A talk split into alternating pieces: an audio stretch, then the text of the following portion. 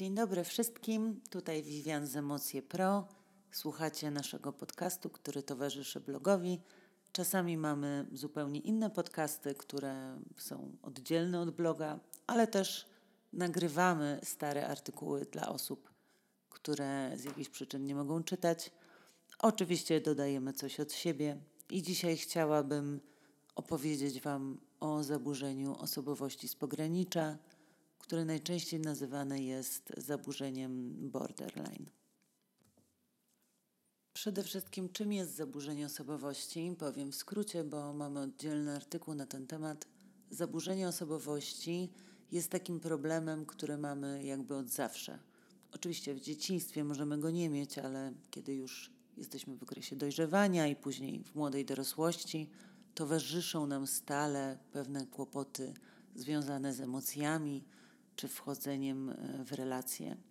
I to w odróżnieniu od innych problemów, jak na przykład depresja, która powinna być bardziej takim krótkotrwałym, może nawracać, ale jednak żyjemy sobie normalnie, przychodzi depresja, później znowu żyjemy normalnie, kiedy depresja przejdzie. Natomiast przy zaburzeniu osobowości tak nie jest. My tak żyjemy na co dzień. Tacy jesteśmy. Aktualnie mamy w DSM, czyli w takim systemie klasyfikacyjnym, 10 zaburzeń osobowości, do niedawna jeszcze 12. I tak się zastanawiam, jak to jest, że głównie słyszymy o zaburzeniu osobowości borderline, które wcale nie jest najbardziej spektakularne. A może jest? Nie, myślę, że to wynika z czegoś innego. Badania wskazują, że te osoby najbardziej szukają pomocy. Więc prawdopodobnie dlatego stało się ono tak e, popularne. Zaburzenia osobowości to nie są jakieś problemy pierwszego świata. Są dokładnie tak samo problematyczne jak choroby somatyczne. Czasami ktoś mówi, że to teraz współcześnie ten wymysł problemów psychicznych, tak ogólne. Jasne, jakby nagle była wojna, jakby bomby zaczęły nam lecieć na łeb, to byśmy się nie zastanawiali, czy ktoś na nas krzywo się spojrzał, albo że mam rozhuśtane emocje, czy że moje relacje są nieudane. Tylko, że to nie jest żaden argument. Taka jest po prostu hierarchia potrzeb. Wiadomo, że jeśli zagrożone będzie moje bezpieczeństwo, moje życie, albo jak nie jadłam od tygodnia, to mam inne priorytety niż zdrowie psychiczne. To nie znaczy jednak, że jestem zdrowa, po prostu najpierw muszę zjeść. Zaburzenia osobowości mogą dotyczyć nawet 12%, a w niektórych badaniach nawet 15% osób w ogólnej populacji może mieć taki problem. Jest to dużo więcej osób niż depresja, zaburzenia lękowe, te dotyczą około 6%, czy cukrzyca typu 1, choroby układu krążenia po 3%. Jeżeli potrzebujecie odniesienia do badań, one są w artykule na blogu. Niestety, wciąż problem zaburzeń osobowości jest bagatelizowany. Jest bagatelizowany na całym świecie. Na przykład nie wpisany przez WHO do Global Burden of Disease, czyli badań nad globalnym obciążeniem chorobami. Dlatego między innymi nasz blog czy nasza Fundacja e, Wrażliwych chcemy bardzo pracować nad zmianą tego, nawet w ten skromny sposób, czyli edukując, mówiąc o zaburzeniu borderline czy o innych zaburzeniach osobowości, o których się w ogóle nie mówi. Zacznijmy od tego, że przede wszystkim diagnoza e, jest bardzo trudna. Osoby z borderline są zróżnicowane. Nawet jak wykonacie taki test na naszej stronie, gdzie wyjaśniliśmy, jak patrzeć na te kryteria diagnostyczne, którymi kierujemy się przy diagnozie, to i tak nadal to jest trudne. Nawet osoby, z którymi pracujemy i które już mają diagnozę borderline, które nawet są z podobnych rodzin czy w podobnym wieku, nadal mogą być zupełnie różne. Dlaczego? No, sam układ kryteriów diagnostycznych daje 256 kombinacji, bo jest ich 9. Tak? Mo mogą być różne ułożenia tych dziewięciu. Ale jeżeli, kiedy weźmiemy jeszcze do tego współwystępowanie innych zaburzeń osobowości, a to jest y, praktycznie zawsze, tak, no, no nie zawsze, ale bardzo często tak się zdarza, oraz innych problemów, depresja, ADHD, zaburzenia lękowe, problemy lękowe, nastrojowe, z nastrojem, tak, choroba dwubiegunowa. To mamy naprawdę bardzo zróżnicowaną grupę ludzi. Dlatego dokładną prognozę, czyli jak, jaka jest szansa w terapii, ile będzie trwała i tak dalej, można podać dopiero po wywiadzie i diagnozie. Inne szanse ma osoba z borderline i osobowością zależną. Osobowość zależną ma od 16 do 50% osób z borderline. Plus taka osoba właśnie jeszcze powiedzmy ma średnią depresję, a zupełnie inne szanse będzie miała osoba, która ma borderline, a do tego dużo cech narcystycznych i histrionicznych plus silne uzależnienie od alkoholu. W tym drugim wypadku osoba może nie przychodzić na spotkania, nie robić prac domowych, ćwiczeń. Oczywiście nie musi tak być i wielokrotnie takie osoby również angażują się w zajęcia, są w stanie pracować nad sobą i się zmieniać. To był tylko przykład. Oczywiście, że zawsze bardzo ważna też jest motywacja danej osoby. Chciałabym Wam też powiedzieć o tym, jak wysokie jest współwystępowanie dodatkowych zaburzeń. Współwystępowanie, współchorobowość to oznacza, że ktoś na przykład cierpi z powodu borderline, a oprócz tego jeszcze ma inne zaburzenia. Więc sprawdźmy, co na to y, badania nam mówią. Jest bardzo wysokie, to wiemy. W przypadku borderline występują inne zaburzenia, ale badania bardzo różnią się między sobą. Czyli jeżeli znajdziecie inne procenty w jakichś innych artykułach, nawet naszych artykułach, to nic dziwnego. Tutaj akurat oparłam się na dwóch źródłach. Jedno to jest artykuł w Psychiatric, w Psychiatric Times. Tam są z kolei odniesienia do literatury oraz na bardzo dużym badaniu 34 653 osób z 2008 roku i to są badania z USA. Nie mamy takich badań polskich, więc nie mogę ich przytoczyć. No i jakiekolwiek zaburzenia afektywne 75 do 96%. Zaburzenia depresyjne 71 do 83%.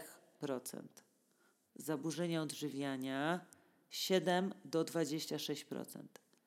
Zaburzenia związane z nadużywaniem substancji w tym alkoholu 50-72%. PTSD, zaburzenie stresowe pourazowe 25-58%. Wykorzystywanie seksualne w dzieciństwie, kiedy osoba ma PTSD i borderline, 36% takich osób było wykorzystywanych w dzieciństwie, w tym dwa razy więcej kobiet. Kiedy ktoś ma wyłącznie borderline, to jest 18,5% osób wykorzystywanych seksualnie, cztery razy więcej kobiet. W przypadku wyłącznie PTSD to jest około 20% i jest cztery razy więcej kobiet. Zaburzenia lękowe 88%, jakiekolwiek inne zaburzenie osobowości 70 3,9%. Niektóre badania pokazują nawet 90% dodatkowych zaburzeń osobowości. Unikające zaburzenia osobowości jako dodatkowe do borderline to jest mniej więcej połowa osób.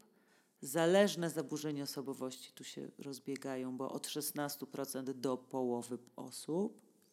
Obsesyjno-kompulsyjne zaburzenie osobowości od 18 do 25% i paranoiczne zaburzenie osobowości od 13 do 30%.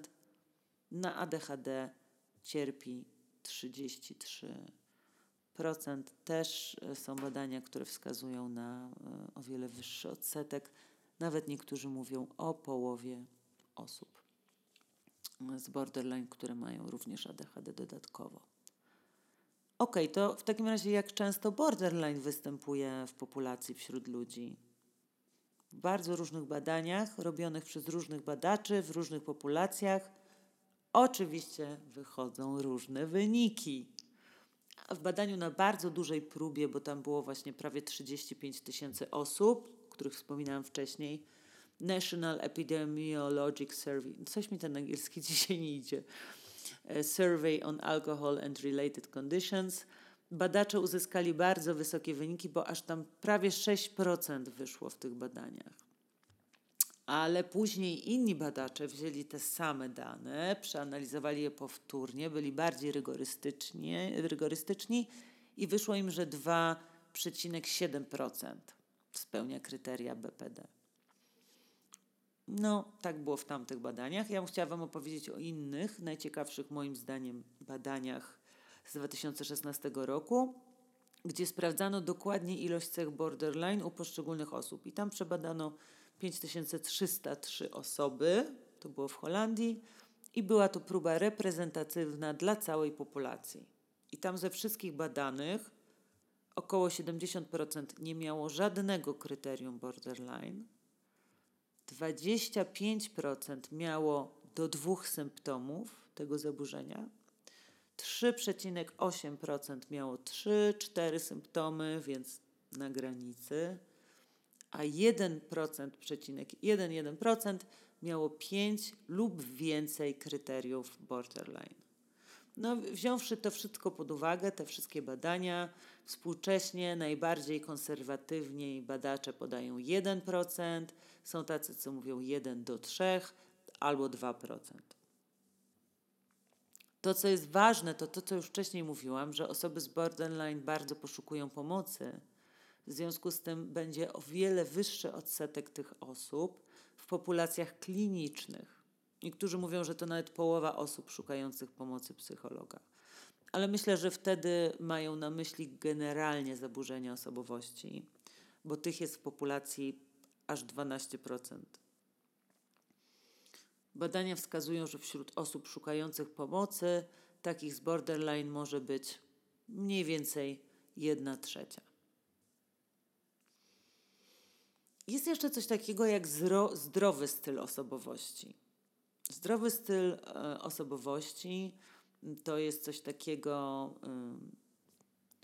że ktoś jest w tym stylu, prawda? Albo na przykład ktoś miał borderline, ale uczestniczył w terapii, rozwiązał swoje problemy, no ale nadal ma pewne jakby mm, atmosferę czy, czy pewne zachowania z tego zaburzenia, tylko już po prostu nie sprawiające problemy. Albo ktoś w ogóle taki jest. Ma takie cechy, ale nie aż tak bardzo, że powodują problem. Bo pamiętajmy, że zaburzenia osobowości to nie jest jakiś wymysł, żeby wszystkich przyciąć do jednego wzorca, tylko to jest zbiór zachowań, myśli, emocji, który powoduje ogromne cierpienie. Nieleczone borderline jest groźne, dlatego że według niektórych badań nawet 80% umrze śmiercią samobójczą. Także pamiętajmy o tym, tak? To chodzi o to, że ktoś na przykład nie jest w stanie zbudować Y, udanej relacji i po prostu bardzo cierpi. To są zaburzenia osobowości. A nie, że znalazłam jedną czy dwie cechy u swojego partnera. No nie, to, to tak nie jest. Ale każde zaburzenie osobowości powoduje problemy w relacjach. Nie tylko zaburzenie borderline. Rozmawialiśmy też o, y, o tym, czym jest niekorzystne przywiązanie. Ono też może sprawiać kłopoty w relacjach. Będę jeszcze o przywiązaniach niedługo mówić, już się szykuję do dłuższego podcastu. Tak więc, ja, dlatego właśnie te diagnozy są takie skomplikowane również.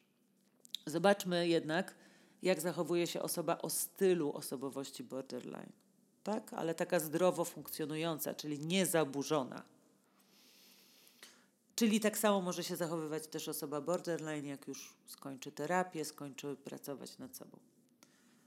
Osobowość na wesołym miasteczku. Milon, specjalista od zaburzeń osobowości, mówi, że są to ludzie wrażliwi, zmienni emocjonalnie, którzy żyją na huśtawce, raz na górze, raz na dole. Najważniejsza dla nich jest miłość, pełna namiętności, romantyczna, do utraty tchu. Tutaj lęk przed opuszczeniem też gra dużą rolę, dlatego oni bez wytchnienia szukają bliskości, bratniej duszy. Ich doświadczenia są przede wszystkim emocjonalne, uczucia spontaniczne, kreatywne, tylko czasami tracą panowanie nad sobą, w przeciwieństwie do osób zaburzonych. I teraz cytat Milona. W towarzystwie są weseli, ujmujący, chętnie eksperymentują z rozmaitymi rolami i systemami wartości. Najtrudniejszych objawów borderline, tych, które typowo bierzemy od razu na cel w terapii, tendencje samobójcze, samouszkodzenia, zachowania agresywne, dysocjacje, objawy paranoiczne. Tutaj nie ma tego w stylu osobowości. Ale pozostałe kryteria będą się różnić tylko w natężeniu. Druga możliwość osoba wrażliwa. Osoba taka, owszem, jest podatna na zranienie, będzie interpretować różne drobne zachowania na swoją niekorzyść, ale powstrzyma się przed niekonstruktywnymi zachowaniami, przemyśli, porozmawia, odpuści. Natomiast osoba zaburzona zrobi wszystko, by uniknąć opuszczenia. W tym celu może grozić, błagać, błagać na kolanach, a osoba o tym stylu będzie tylko wyczulona na te sygnały opuszczenia. Osoba z problemem ma burzliwe relacje. Raz widzi kogoś jako demona, po chwili jako anioła. Osoba o tym stylu, owszem, też troszkę się czasami pomiota, ale w dużo mniejszej amplitudzie i zawsze dostrzega, że jej relacje są dużo bardziej złożone niż podpowiadają jej przejściowe stany emocjonalne ma do nich większy dystans. Osoba z borderline nie wie, kim jest i to ją męczy. Jej poczucie własnej wartości może się wciąż zmieniać. Osoba o tym stylu ma otwarty umysł na wiele różnych stylów życia, wartości. Jest gotowa do eksperymentowania i zamiast ją to bardziej gubić, wzbogaca to jej życie. Podobnie z impulsywnością gubi ona osoby cierpiące z powodu borderline, na przykład długi, choroby przenoszone drogą płciową, częste rozstania, uzależnienia. Natomiast osoba o tym stylu lubi mocniejsze wrażenia, spontaniczne akcje, co sprawia jednak, że jej życie jest kolorowe i ciekawe. Dramatyczność osób z borderline może być męcząca dla otoczenia. Natomiast osoba o tym stylu zachowuje się tak rzadko. No chyba, że używa tego jako ubarwiacza swoich wesołych, towarzyskich historyjek. Pustka wewnętrzna, zwykle odczuwana jako wieczna tułaczka samotnika u osób z borderline, może prowadzić do samouszkodzeń, czy wręcz prób samobójczych, u tych ze stylem takiej osobowości do aktywnych poszukiwań towarzystwa lub kreatywnego wyrażania siebie. Napady złości czy stale odczuwana cicha irytacja, charakterystyczna u niektórych osób z zaburzeniem, u osoby pozostającej w normie, to mniejsza odporność na frustrację i ogólna większa wrażliwość i intensywność przeżywania. Według współczesnych badań osoba taka różni się od osoby z borderline również tym, że docenia swoją wrażliwość, rozumie swoje emocje, ma spójną tożsamość i jest pogodzona ze swoją przeszłością, o ile w ogóle kiedykolwiek pogodzona nie była. No takie rzeczy zdecydowanie możemy wypracować na terapii i robimy to oczywiście. No dobrze. Jakie są kryteria diagnostyczne e, borderline w DSM 4? W DSM 5 się nie zmieniły jakoś specjalne. Niektóre z tych kryteriów zostały dokładnie opisane w oddzielnych artykułach, na przykład o pustce pisałam e, dosyć wyczerpująco, ale też o innych rzeczach. Teraz ja będę Wam opowiadać o tym, ale kiedy będziecie się zastanawiać, czy może dotyczą Was te cechy, pamiętajcie, że musicie brać pod uwagę ostatnie 5 lat swojego życia i takie sytuacje powinny się objawiać w wielu relacjach, nie tylko w jednej, i powodować faktyczne i dojmujące cierpienie. Najlepiej jest szukać jakichś przykładów w swojej pamięci konkretnych. Po pierwsze, dominujący wzór niestabilności związków i relacji, obrazu siebie i uczuć oraz wyraźnie zaznaczonej impulsywności, mający początek we wczesnym etapie życia dorosłego i obecny w wielu dziedzinach życia, wskazywany przez pięć lub więcej z poniższych kryteriów. Potrzebujemy pięć albo więcej. Pięć którychkolwiek. Nie opuszczaj mnie. Pierwsze kryterium. Rozpaczliwe próby uniknięcia opuszczenia rzeczywistego lub wyobrażonego, bez prób samobójczych i samoszkodzeń. Te są w innym miejscu. Czyli często masz poczucie, że bliska osoba cię opuści, zniknie z twojego życia, albo że coś jest nie tak, coś tutaj się zepsuło już w tej relacji, coś na bank tutaj nie gra może się wydawać, że pojawia się to znikąd, albo może wynikać z konkretnych zachowań tej drugiej osoby, że na przykład ktoś nie odbiera Twojego telefonu, albo uważasz, że się dziwnie na Ciebie patrzy, albo napisał innego niż zwykle SMS-a, zapomniał o spotkaniu. I w odpowiedzi na to możesz robić e, różne rzeczy bardziej subtelne albo no, zupełnie niesubtelne. Grożenie, że coś sobie zrobię, sugerowanie, że nie wytrzymam tego, błaganie, żeby ktoś został, tak? Lękanie, szlochanie, no bo ja już uważam, że ta osoba odchodzi.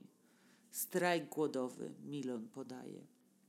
Ale mogę też skrajnie dostosować się, by ta druga osoba jak najwięcej czasu spędzała ze mną. Czasami jest tak, że osoby się kłócą, bo wtedy nagle dostają więcej uwagi drugiej osoby, paradoksalnie. Kiedy o bliskiej osoby nie ma, wpada w panikę i dzwoni raz za, za razem. Tak może też być, tak? I, I zupełnie taka osoba się nie może powstrzymać. Nie możesz się powstrzymać, tak? Dzwonisz non-stop, druga osoba nie odbiera, wiesz, że to jest bez sensu, ale nie jesteś w stanie albo jedziesz do tej osoby do domu, śledzisz, wysyłasz mnóstwo wiadomości, po prostu tracisz kontrolę nad swoim zachowaniem.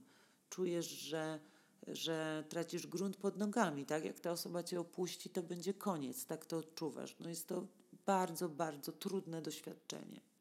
Pytamy się wtedy takiej osoby, czy teraz ja się pytam ciebie, zastanów się, kogo dotyczą takie zachowania, bo mogą wielu osób, tak? Nie muszą dotyczyć tylko osoby partnera, w różnym stopniu natężenia, mogą dotyczyć też przyjaciół, rodziców. Na przykład przyjaciółka twoja nie odpisuje, tak? Czy moja przyjaciółka nie odpisuje, już nie wiem, w której osobie mam mówić. Załóżmy, moja przyjaciółka nie odpisuje i zaczynam myśleć, że coś chyba źle powiedziałam wczoraj i zaczynam myśleć, no tak, na bank jest źle. Pewnie woli Anię, pewnie ją straciłam. Co ja teraz zrobię? Nie? albo mogę coś, że nie, ona jest zła, w taki sposób myśleć, nie? Ale już coś się zaczyna dziać z powodu tego, że ona dłużej nie odpisuje. Mogę kupić jej prezent, bo już w głowie mojej ona mnie porzuciła, tak? Albo mogę się przestać odzywać. To i tak nie ma sensu. To bez sensu. Po co? Po co mi to wszystko? Nie zależy mi. No albo właśnie dzwonię z awanturą, tak? Jak możesz mnie tak traktować? ignorujesz mnie, nie szanujesz mnie. Każdy z tych scenariuszy jest możliwy, a u podstawy jest ta wrażliwość na odrzucenie i te rozpaczliwe próby uniknięcia go. Anioł czy demon. Wzorzec niestabilnych i intensywnych relacji interpersonalnych, które cechuje na przemian skrajne idealizowanie i dewaluowanie innych. No tak, nic dziwnego, że te relacje będą burzliwe, niestabilne, pełne wzlotów i upadków, tak? Ni stąd, ni zowąd dochodzę do wniosku, że moja najlepsza przyjaciółka jest beznadziejna. To zwykle to się, można jakby dojść do tego, tak, że to się dzieje po jakiejś kłótni, albo jakieś kwasy interpersonalne, czyli między mną a przyjaciółką gromadzą się i zaczynam się bać, że no, powinnam się z nią skonfrontować, powinnam z nią porozmawiać, powinnam powiedzieć, co mi się nie podoba, no ale to już jest dla mnie zbyt ciężkie, nie? Więc wolę ją zdewaluować. Oczywiście nie, nie robię tego celowo, to po prostu się dzieje poza moją kontrolą. Mm, dopóki się nie nauczę swoich emocji, mogę tego zupełnie nie rozumieć. Potem moje emocje znowu się odwrócą i przyjaciółka znowu będzie najwspanialsza na świecie. No rzecz jasna, najbardziej typowe to jest e, z osobą partnera, nie? że jednego dnia stwierdzam, no kocham go, on jest cudowny, to jest najfajniejszy facet na świecie, naprawdę. No nigdy, nigdy takiego nie poznałam i nigdy już takiego nie poznam. Jest cudowny. No później coś mi nie będzie pasować i stwierdzam, nie, no beznadziejnie, no po co, co ja z nim, nie, nie, nie, fatalny, fatalny, najgorszy, po co ja z nim jest, nie, muszę się rozstać, to bez sensu.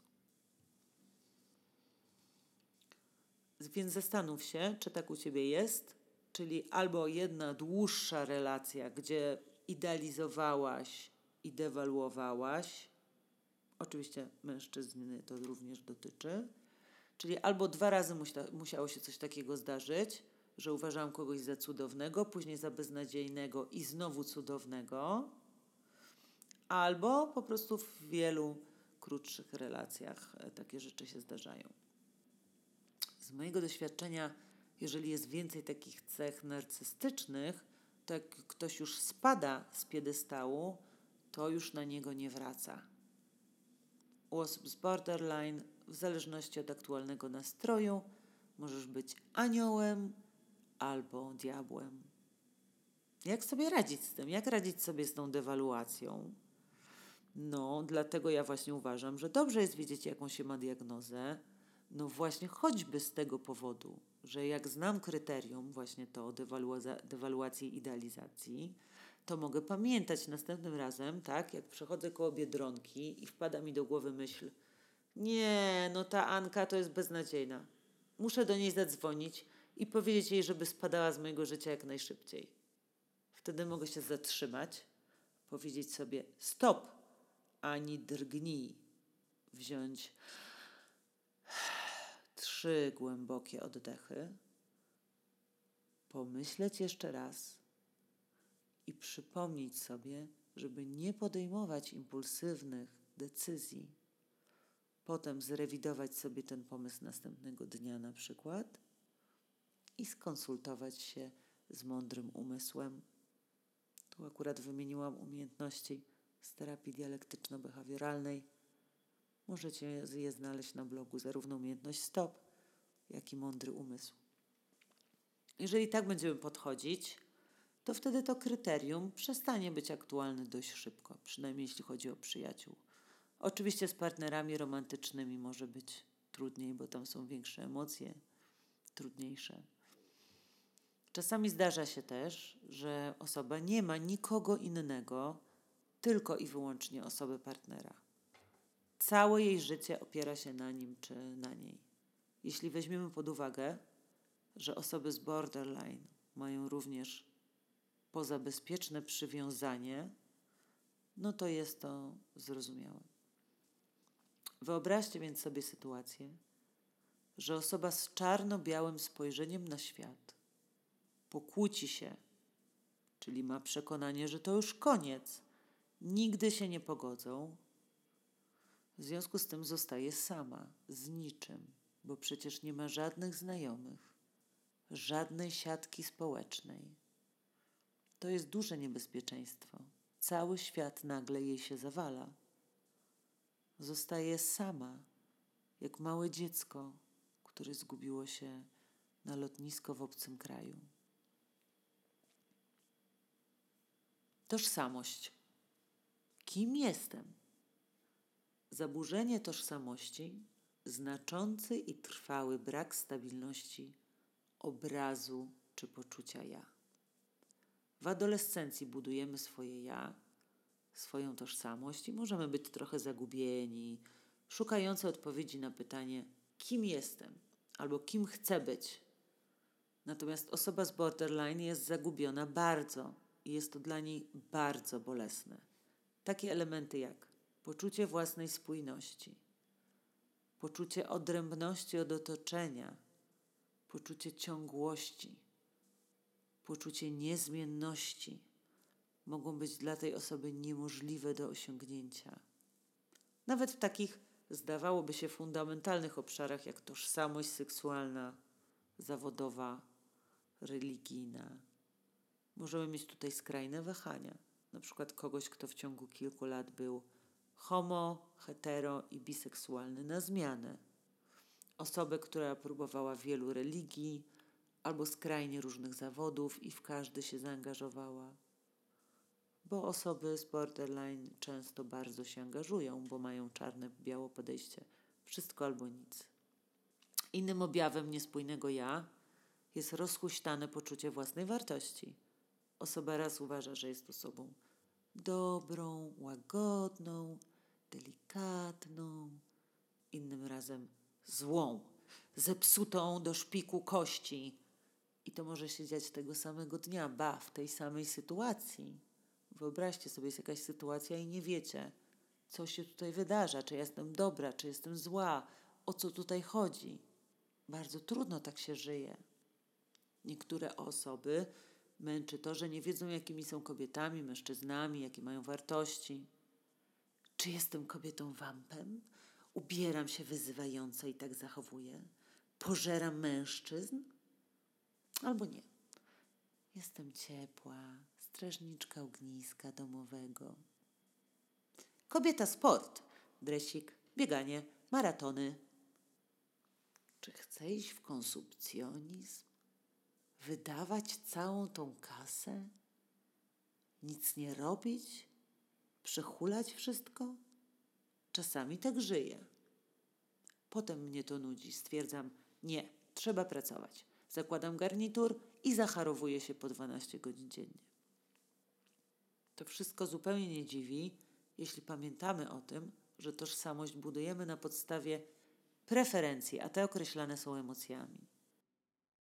A skoro moje emocje ciągle się zmieniają i to skrajnie, no to tak samo moje preferencje. Dzisiaj lubię to, jutro coś innego, no i ostatecznie w ogóle nie wiem, co lubię, czego chcę, co mi się podoba. No i to już jest właśnie bliskie zaburzeniu tożsamości. Czasami jest tak, że role zmieniają się z dnia na dzień, czy sezonowo, te, o których mówiłam wcześniej. Tak, że tam kobieta wamp, kobieta sportowa. Równie często jest to dostosowywane do aktualnego partnera, czyli takie dopasowanie się do jego oczekiwań zupełne. Nie? Czyli kiedyś właśnie uprawiałam dużo sportu, ale teraz mam partnera, który y, lubi chodzić do teatru i po galeriach, w związku z tym ja również y, rzucam w kąt sport.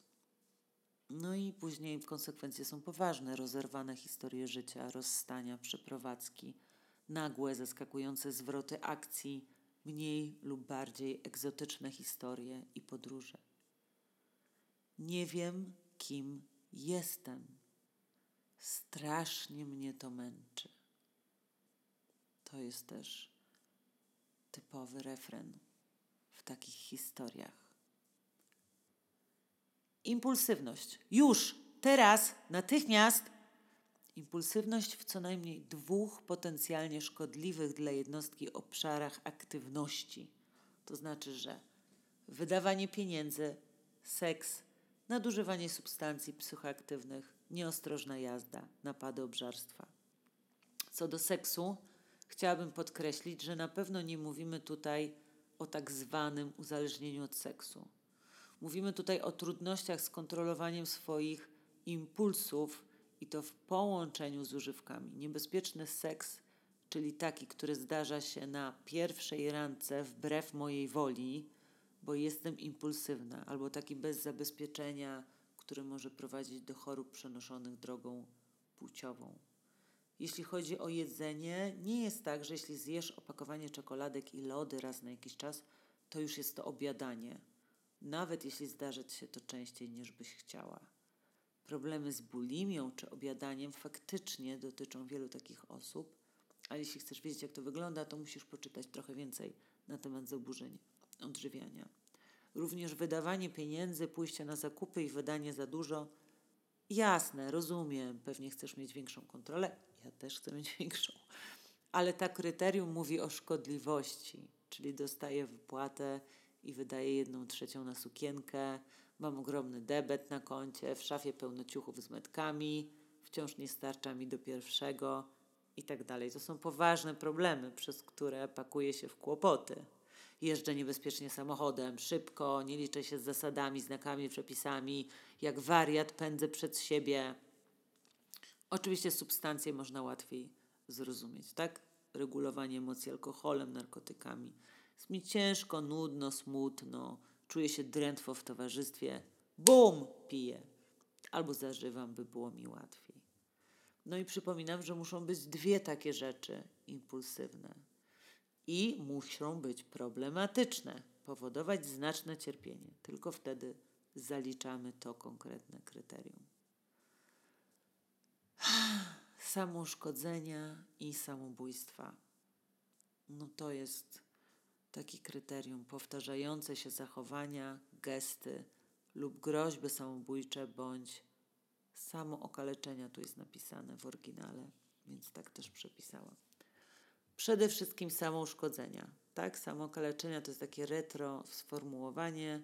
Współcześnie mówimy o samouszkodzeniach, żeby uniknąć nieprecyzyjności, sensacyjności i stygmatyzacji, dlatego że samouszkodzenia to są zwykle drobne nacięcia, a poza tym osoby samouszkadzają się też w inny sposób, przypalanie, bicie. A najważniejsze jest też to, że ludzie robią to, by poradzić sobie z emocjami dla nas to będzie pewnie nieakceptowalne. Oczywiście w terapii pracujemy nad tym od razu, jednak jest to metoda radzenia sobie z emocjami. Groźby samobójcze. No tak, kiedy mówisz, jeśli wyjedziesz na weekend, to ja tego nie przeżyję, więcej mnie nie zobaczysz. Złowieszczym głosem sugerując, że coś sobie może zrobisz, jest to grożenie samobójstwem. Ja już tak nie będę dłużej żyć, nie zobaczysz mnie jutro. To grożenie samobójstwem. Zabiję się, jeśli odejdziesz. Słuchajcie, te emocje, te przeżycia są prawdziwe, tak? W ten sposób odróżniamy je to też od innych zaburzeń osobowości. Osoba psychopatyczna również będzie straszyć samobójstwem, kiedy chcemy od niej odejść, ale tam mówimy o manipulacji. Psychopata może robić to wyłącznie po to, byśmy zostali, tak? Nie odczuwa, nie chce przestać żyć z bólu. Typowa osoba z borderline bardzo cierpi. Nie wyobraża sobie życia bez nas. Nawet jednego dnia bez nas sobie nie wyobraża. Jasne, czasami y, osoba może mieć obydwa te zaburzenia, to się zdarza Mm, poza tym, jak mówiłam w innym filmiku, w jednym filmiku na YouTube, jeśli jesteś nieszczęśliwy w związku, masz prawo zadbać o siebie. Chciałabym też podkreślić, że grożenie samobójstwem jest absolutnie nieakceptowalne. Tak jak mówi Marszal Linehan, to, że czujesz się jak pacjent psychiatryczny, nie znaczy, że masz się tak zachowywać. A więc jeśli zdarza ci się grozić ludziom samobójstwem, przestań.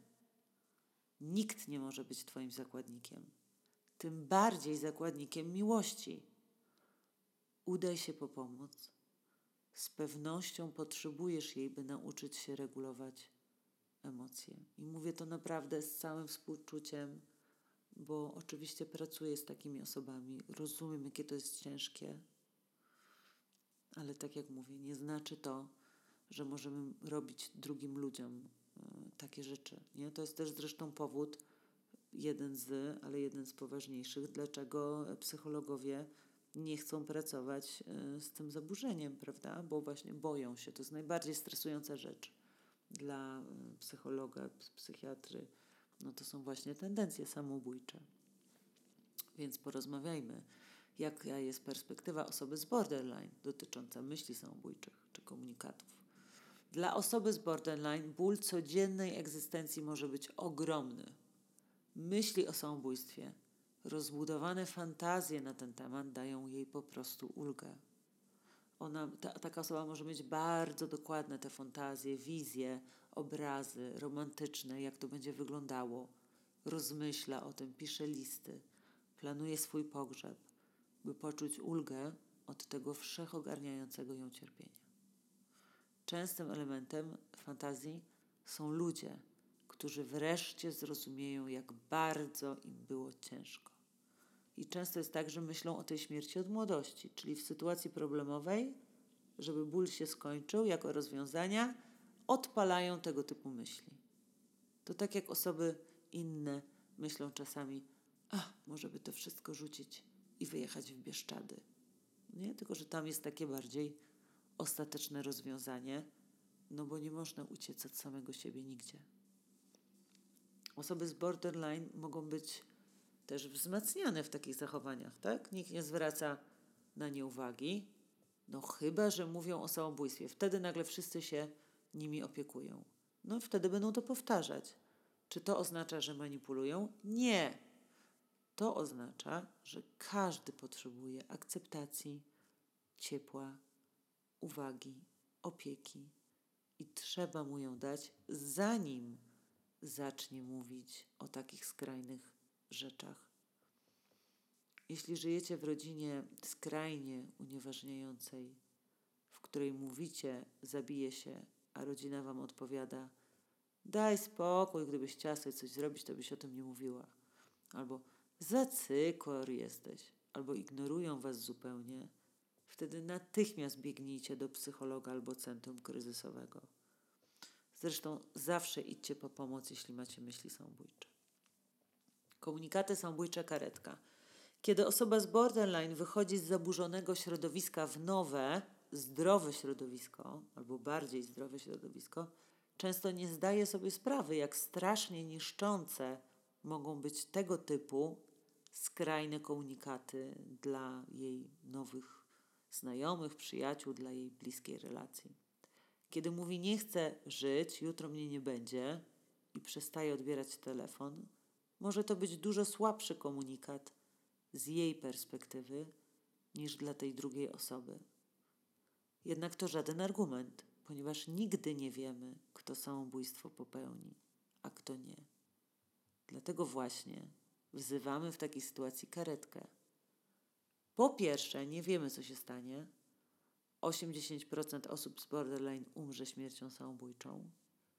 Po drugie, tylko w ten sposób osoba zrozumie, że traktujemy ją jako osobę oraz takie komunikaty bardzo poważnie, czyli uprawomocniamy. Tak? Ktoś mówi, że sobie coś zrobi, a my słyszymy i martwimy się, i dlatego wzywamy karetkę. Robimy to z troski, tak? bo nie, nie uważamy, że to są jakieś słowa rzucone na wiatr. Po trzecie, dajemy też sygnał, jak bardzo wypalające dla nas i niszczące dla naszej relacji są to komunikaty, jeśli się często powtarzają, rzecz jasna. Ko właśnie, komunikujemy, troszczę się o ciebie, boję się o twoje życie. To dla mnie poważna sprawa, dlatego wzywam karetkę, chcę, żebyś żył. Jeśli ktoś bliski takie rzeczy ci mówi, porozmawiaj i powiedz, że od dzisiaj zawsze będziesz dzwonić po karetkę, jeśli usłyszysz komunikat o samobójstwie. Równie ważnym jednak jest, by udzielać osobie wsparcia. Komunikaty tego typu świadczą o ogromnym cierpieniu i konieczna jest pomoc. Co nie jest groźbą samobójczą? Mówienie ma myśli samobójcze, wolałabym zniknąć, nie daję już rady, ledwo ciągnę, bardzo mi ciężko, myślę o zabiciu siebie i potrzebuję pomocy, albo myślę o śmierci, ale nie zrobię tego. Wiele też zależy od tonu, od tego, jak osoba się zachowuje, bo ktoś może powiedzieć: Nie dam już, nie, nie jestem w stanie tego podrobić. Nie dam już rady, ale właśnie takim mrocznym, złowieszczym tonem. A my na przykład wiemy z poprzednich rozmów, że ma środki i plany, jak to zrobić. Nie? Bo nam mówiła, więc no, trudno jest też przedstawić wszystkie możliwości, jakie mogą być komunikaty samobójcze. Jeśli kogoś dobrze znamy, to będziemy to wiedzieć. Emocje. Trąba powietrzna emocji. Kryterium niestabilność emocjonalna spowodowana silną reaktywnością nastroju. Na przykład silne stany dysforyczne, wrażliwość, lęk, trwające zwykle kilka godzin, rzadko dłużej niż kilka dni. No, o emocjach osoby z borderline to będę pisać w innym artykule. Tymczasem um, przedstawiam sprawę w skrócie w oparciu o badania Ebner-Primer, które pierwsze, Primer, przepraszam, które pierwsze zbadały kompleksowo emocje borderline według wszystkich trzech kryteriów przedstawionych w teorii biospołecznej w 1991 roku. Teraz w 2015 ta teoria zostaje potwierdzona w badaniach. Więc e, Linehan już wtedy uważała, że typowe w dysregulacji emocji borderline, które to jest źródłem wszystkich innych problemów życiowych tych osób, są trzy cechy. Po pierwsze, wysoka wrażliwość emocjonalna. Osoba szybko reaguje i niewiele jej trzeba, by zareagowała, czyli inna osoba zignorowałaby jakąś sytuację, ale osoba wrażliwa jest bardziej podatna na zranienie, krzywe spojrzenie, dwuznaczne słowo, brzydka pogoda. To wszystko może zepsuć nastrój osobie z borderline. Silne reakcje. Reakcje często są skrajne, życie pełne jest dramatów, drobne zawstydzenie tutaj może być głębokim upokorzeniem, lekki niepokój, napadem paniki. Równie jednak łatwo osoba ulega entuzjazmowi, może być idealistyczna, bardzo zaangażowana w różne akcje społeczne. Tak więc, mimo że te osoby przeżywają również dużo y, pozytywnych emocji, to niestety wydarzenia pozytywne są dużo gorzej zapamiętywane. Dlatego osoby te postrzegają swoje życie czy przeszłość jako smutniejsze, mniej korzystne niż jest w istocie. I ostatnią cechą emocjonalności osób z borderline jest powolny powrót do, emocjonalnego poziomu wyjściowego, czyli emocje są długotrwałe osoba dość długo dochodzi do siebie. Emocje generalnie trwają krótko. To są fenomeny, które trwają do kilku minut. Więc tu chodzi też o nastrój i takie procesy ruminacji, tak? przeżywania na nowo, powtarzania, przypominania sobie, podkręcania tych emocji, czy zamartwiania się. No i właśnie metaemocje, czyli emocje z powodu emocji. Jednak ostatecznie efekt jest taki, że osoba z borderline może sesję terapeutyczną przeżywać nawet kilka dni. Poziom wyjściowy, taka baza emocjonalna też jest wyższa. W skali od 0 do 10 wynosi aż 4, a u tak zwanych normalsów 0. Właśnie dlatego tak ważne są ćwiczenia różne relaksacyjne, wizualizacje relaksujące, czy medytacja, która z czasem może zmienić to. Przechodzimy do kolejnego kryterium, kryterium pustki, czyli przewlekłe, chroniczne poczucie pustki. To jest takie najbardziej enigmatyczne kryterium diagnostyczne. Wiele osób nie wie tak naprawdę, co ono oznacza, ale jest też bardzo ważnym kryterium, bo ta pustka jest bardzo niebezpiecznym objawem. Ona koreluje z tendencjami samobójczymi, samouszkodzeniami, hospitalizacjami, zwolnieniami z pracy tak mówią badania. W dodatku dotyczy aż do 3 czwartych pacjentów z borderline, ale jest też objawem transdiagnostycznym, czyli pojawia się w różnych problemach, w różnych zaburzeniach, między innymi w depresji, problemach lękowych, PTSD, a także zaburzeniu osobowości narcystycznej i antyspołecznym.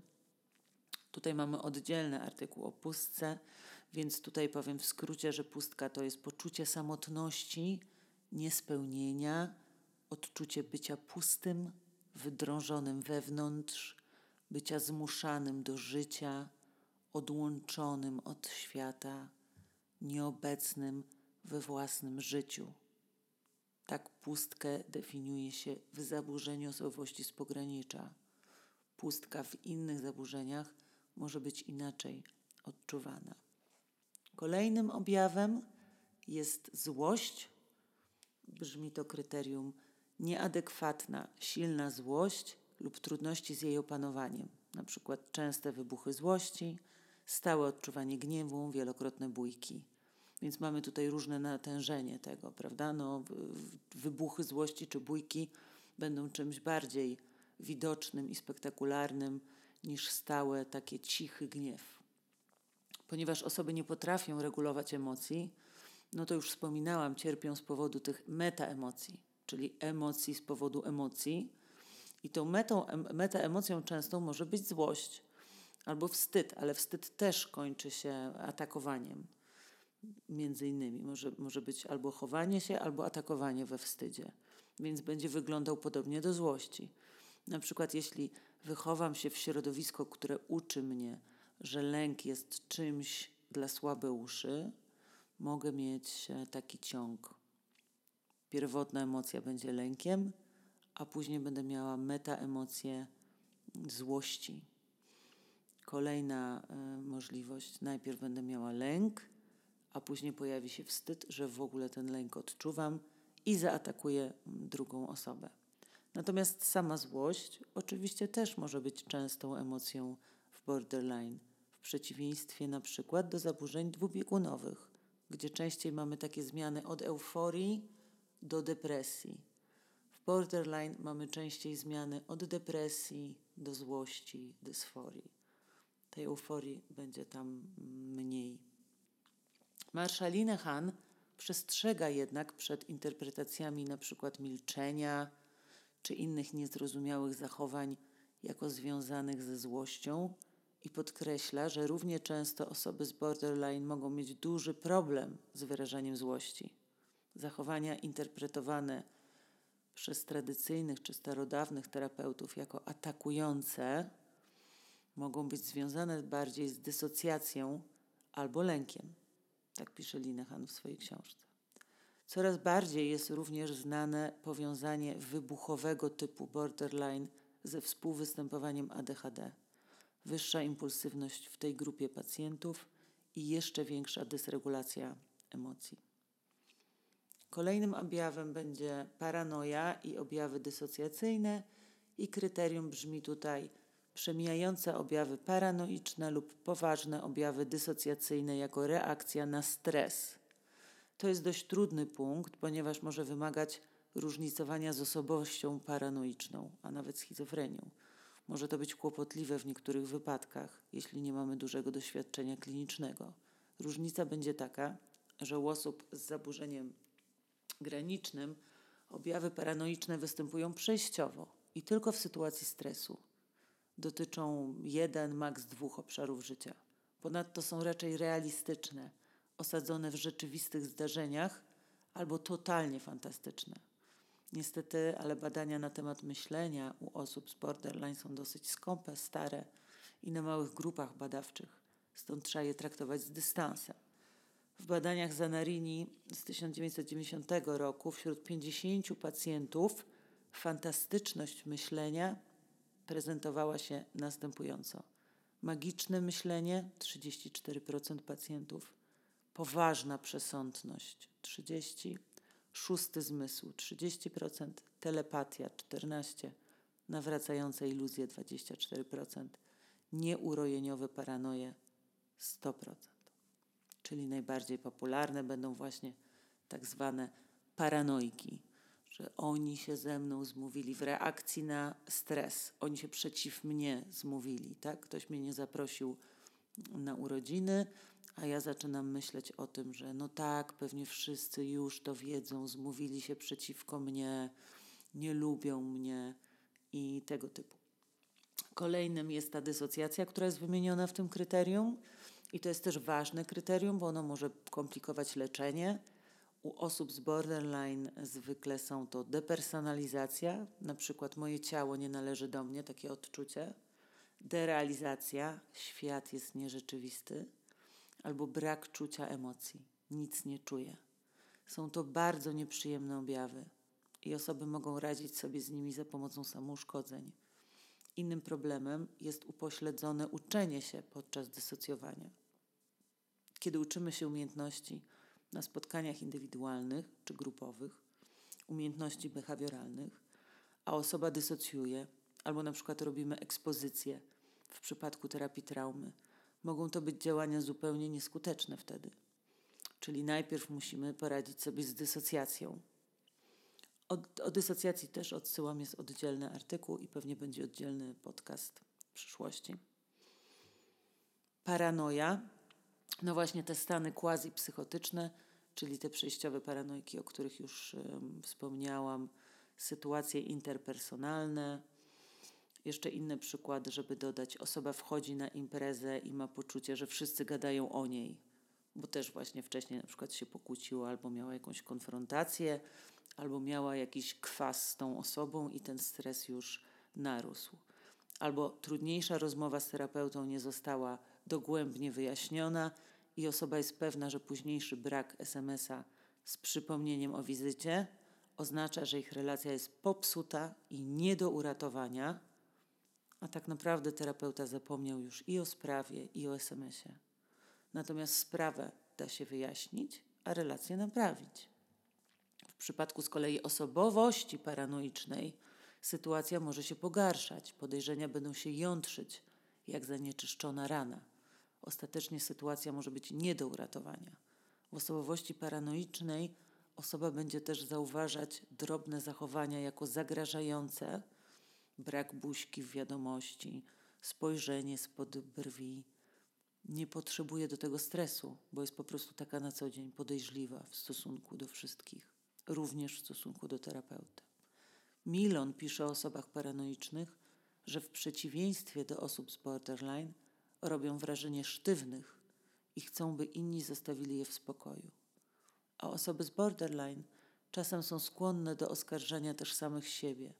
Paranoiczne zawsze oskarżają innych.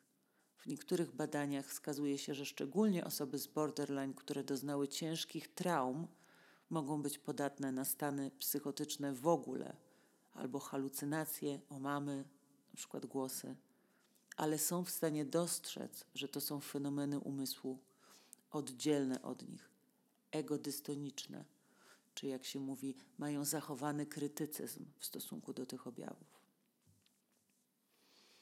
Teraz opowiem Wam o podtypach Milona osobowości borderline Mówiąc ogólnie, każdy wzorzec osobowości, który stawia innych ludzi w centralnym punkcie życia jednostki, związany jest z ryzykiem rozwoju zaburzenia osobowości z pogranicza. Przemożne pragnienie magicznej fuzji z kimś, kto wesprze człowieka emocjonalnie i zaspokoi każdą jego potrzebę. Diagnozę znacznie rzadziej otrzymują mężczyźni kompulsyjni, sadystyczni, paranoiczni częściowo też i narcystyczni, u których dogmatyzm, poczucie moralnej wyższości lub megalomania sztucznie wzmacniają spójność ja. To był cytat z Milona. Autor podkreśla również, że może być więcej kombinacji niż te przez niego wymienione. Ja chciałabym dodać o tym, co mówią inni badacze, a także to, co wynika z teorii biospołecznej Linehan. Wchodzimy w relacje, żeby regulować swoje emocje. Nieefektywna separacja od rodzica albo przeklejanie się z relacji w relację po to, by wejść w magiczną fuzję, jak mówi Milon, wynika właśnie z tego, że osoba totalnie nie radzi sobie z emocjami, impulsami i poczuciem wszechogarniającej pustki. I czasami jedyny moment, kiedy chwilami czuje ulgę, kiedy złapie minutę normalności, jest ta chwila, kiedy przytuli ją partner i powie: Wszystko będzie dobrze.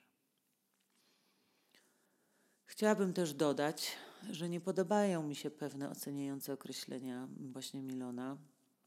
I że każdy nawet z tych typów, o których zaraz będę mówić, ma pozytywne cechy. Skąd wiem? Bo my wszyscy ludzie mamy w sobie pokłady dobroci.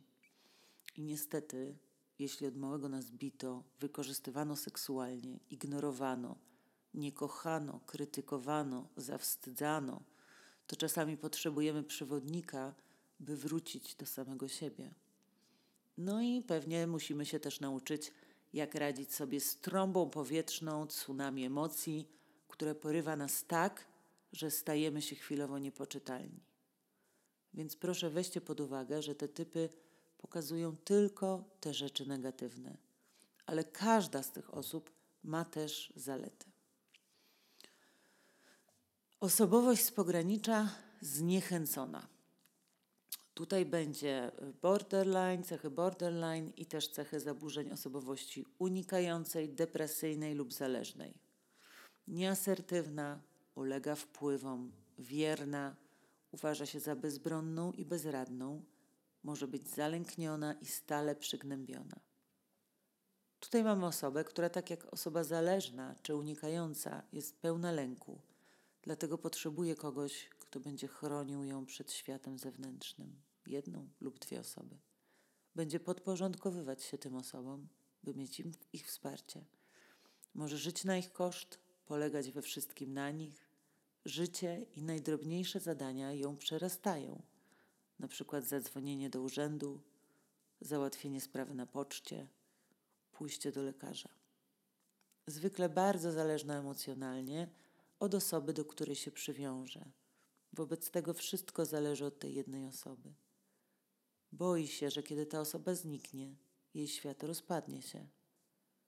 Dlatego często skupia się na swoim lęku przed porzuceniem, brakiem poczucia bezpieczeństwa, niepewności. W skrajnych stanach depresji może wręcz wymagać, by inni opiekowali się nią jak dzieckiem. Również tożsamość podporządkowuje tej jednej osobie, stapia się z tą osobą często, upod często upodobniając się do niej.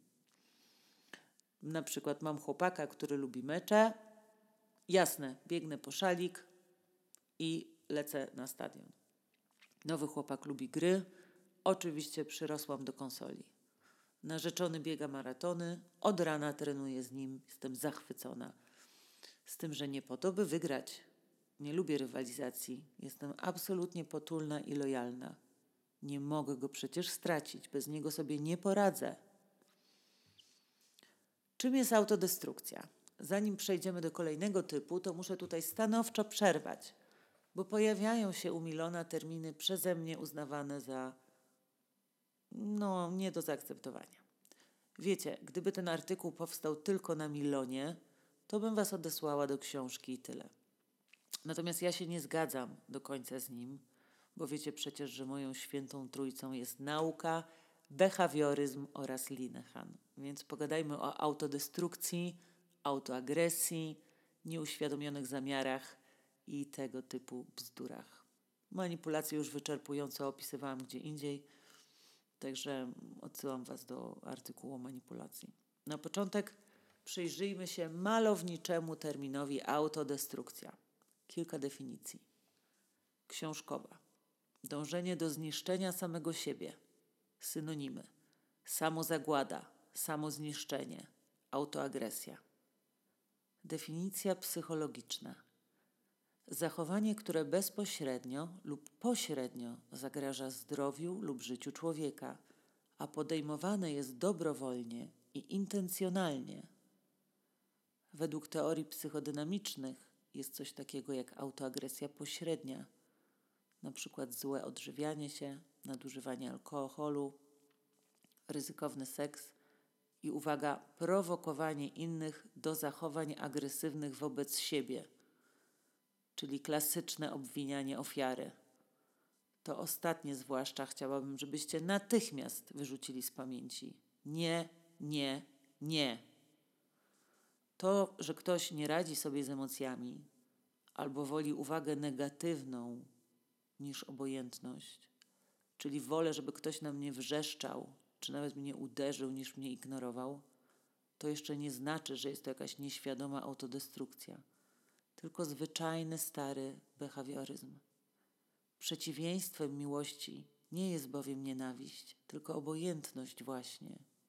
Są więc osoby, które będą prowokować, bo w ten sposób zyskują uwagę. Cóż, ja jednak wolę wyjaśnienia proste, na zasadzie brzytwy Okhama. Mamy coś takiego jak dysregulacja emocji. Czuję się źle, a jak zjem czy napiję się alkoholu, czuję się lepiej. Dlatego kiepsko się odżywiam czy popadam w uzależnienie. Mamy masę badań, które pokazują, dlaczego osoby dokonują samouszkodzeń. Nie samookaleczeń, nie są to akty autoagresji. Ludzie robią to głównie po to, żeby lepiej się poczuć.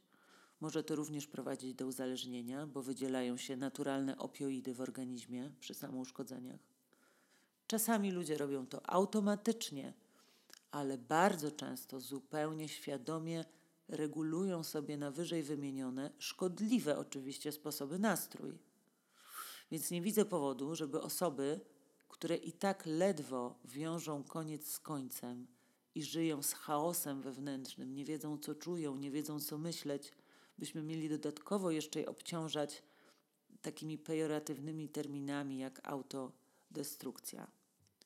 No ale cóż, ja tego nie wymyśliłam, więc wracamy do książki Milona. Osobowość z pogranicza autodestrukcyjna. Tutaj mamy cechę zaburzenia borderline i depresyjnej. Skupiona na swoim cierpieniu, zgorzkniała, ponura, pełna napięcia i frustracji. Nie jest w stanie się podporządkować czy nawiązać z innymi przyjacielskiej, ciepłej relacji. Bardzo samotna, zagrożona samobójstwem. Osoby autodestrukcyjne nie potrafią znaleźć swojego miejsca w życiu, w którym poczułyby się choć trochę u siebie. Kiedyś może były towarzyskie, dostosowane, ale z czasem coraz bardziej ponure, skoszkniałe, depresyjne, nie radzą sobie ze swoją zależnością i lękiem przed samodzielnością. Powierzchownie wydają się grzeczne, pełne szacunku, a nawet miłe. Ale to tylko chłodna, sztuczna maska i to wyłącznie dla na przykład swojego szefa. Pod spodem czai się ogromny konflikt. Zaprzecza swojej zależności, braku asertywności, samodzielności. Dlatego w końcu wybucha. Wszem i wobec gorzko żali się na niesprawiedliwe traktowanie, bycie niedocenianym. On tak się poświęca, jest tak pilny, tak bardzo się stara, tak bardzo się podporządkował – jest taki lojalny, a nikt tego nie dostrzega. Wie, że w przyszłości będzie jeszcze gorzej, bo ludzie tylko go rozczarowują. Zawsze. Mogą się pojawiać objawy z ciała, migreny, bóle brzucha, pleców. Tak naprawdę dowolne problemy fizyczne, choroby psychosomatyczne. Depresja, stałe napięcie wewnętrzne pogłębiają się.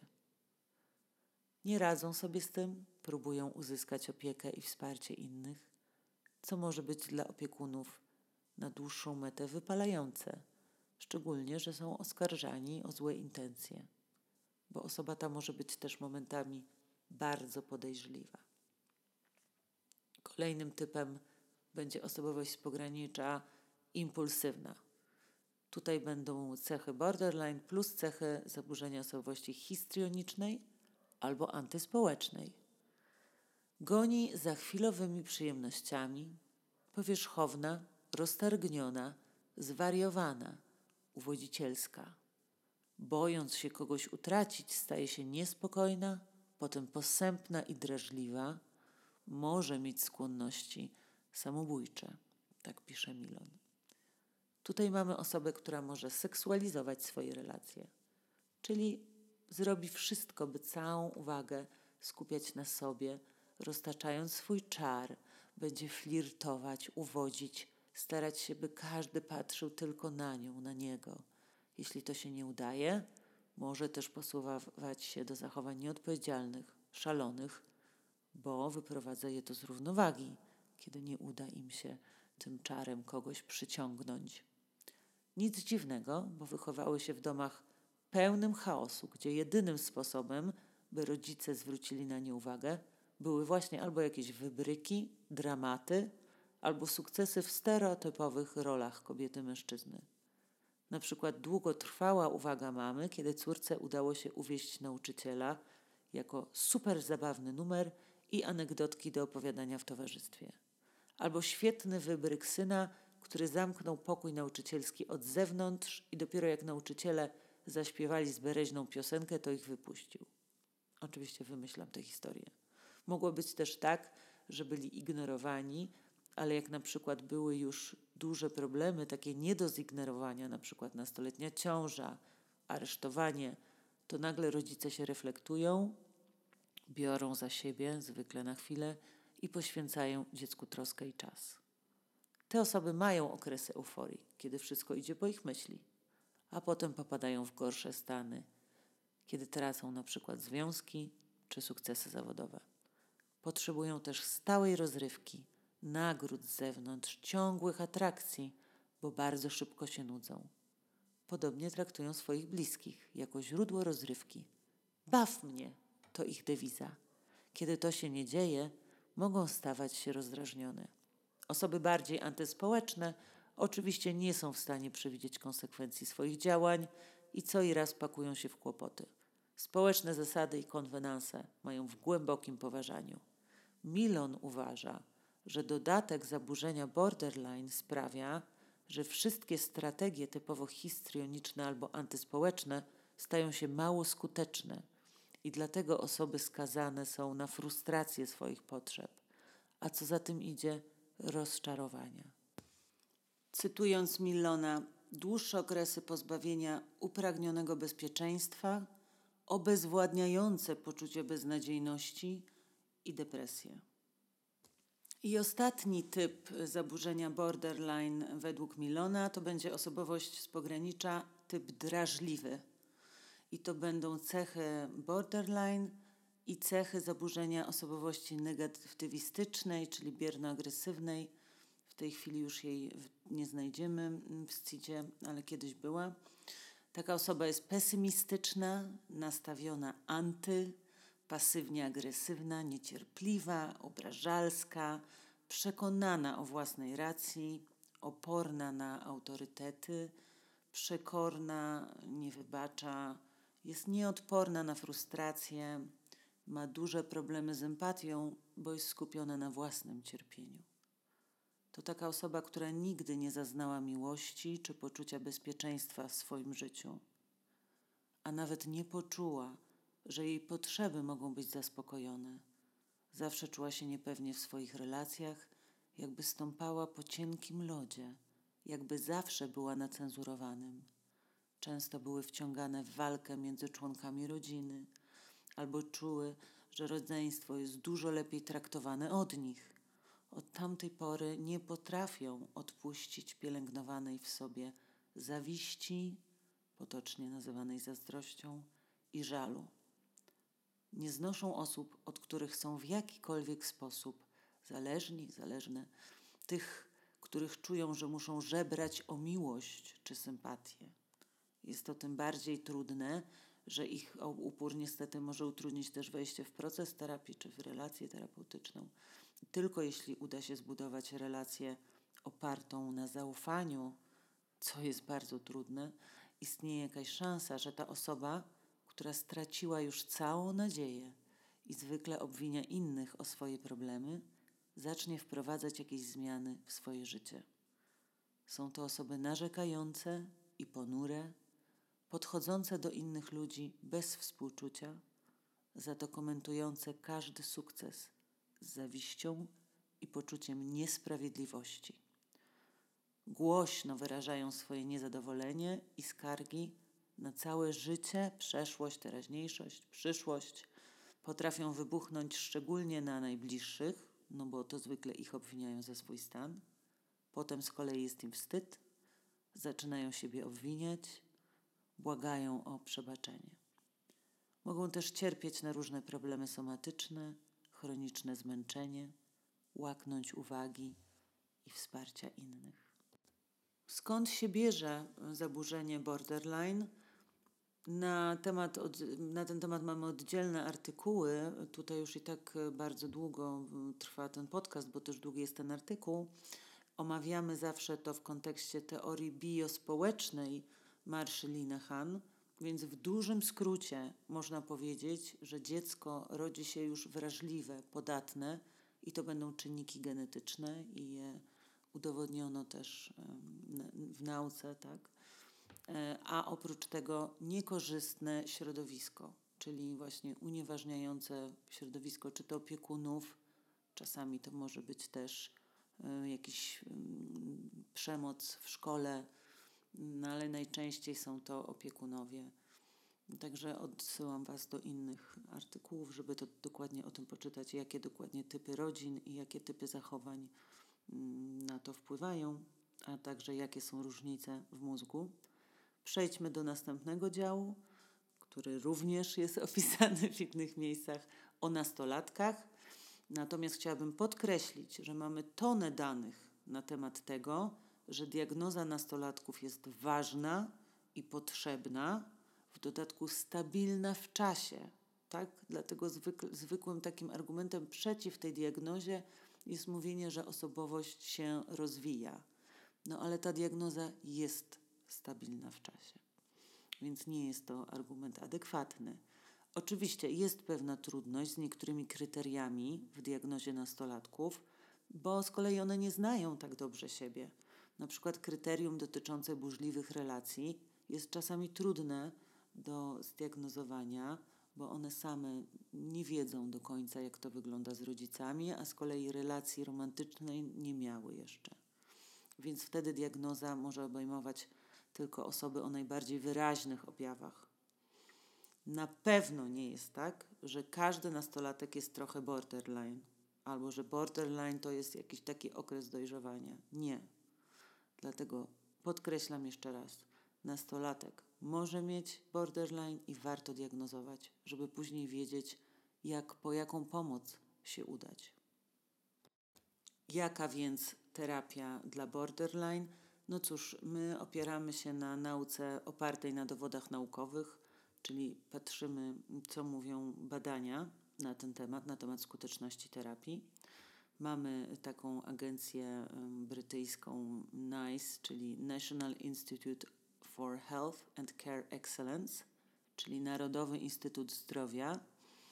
I on ustala bardzo rygorystyczne standardy opieki medycznej, właśnie opartej na najlepszych dowodach naukowych i tam wskazano jedynie DBT jako terapię wystarczająco udowodnioną. Szczególnie dla kobiet z borderline, które się samouszkadzają. Tu chodzi o konkretne badania, o konkretne populacje badanych, które wzięły udział w tych badaniach. Można tam na stronie właśnie NICE znaleźć protokół postępowania dla klinicystów, czyli jak powinna wyglądać terapia, na przykład, że powinien prowadzić ją zespół, że powinna trwać co najmniej rok i wiele innych cennych wskazówek. No bo wiadomo, nie każdy zna DBT, nie jest to możliwe, w związku z tym tam można e, sprawdzić, co warto robić. Mamy też wiele badań, które pokazują skuteczność terapii DBT w różnych innych też populacjach. Żadna inna terapia nie ma tak wielu badań skuteczności w tak wielu różnych problemach współwystępujących przy borderline i w tylu różnych krajach, co też ważne. Mówi się również o wstępnie dobrych wynikach badań terapii opartej na mentalizacji czy terapii schematów. Z kolei terapia y, ACT, czyli oparta na akceptacji i zaangażowaniu, ma wiele podobnych y, ćwiczeń i technik, więc pewnie również y, będzie mm, pomocna. Co natomiast radzi Milon, czyli specjalista od zaburzeń osobowości? I tutaj cytat. Kategoria osobowości z pogranicza nie jest tak jednorodna jak inne zaburzenia osobowości. I dlatego trudno prowadzić terapię wyłącznie na podstawie rozpoznania osobowości z pogranicza jako takiej. Co to znaczy? No właśnie, jak widzieliście w opisach tych podtypów, których jest o wiele więcej tak naprawdę w rzeczywistości niż te wymienione tu, Borderline może się bardzo różnie manifestować. Niektóre jego postaci będą trudniejsze do wyleczenia niż inne.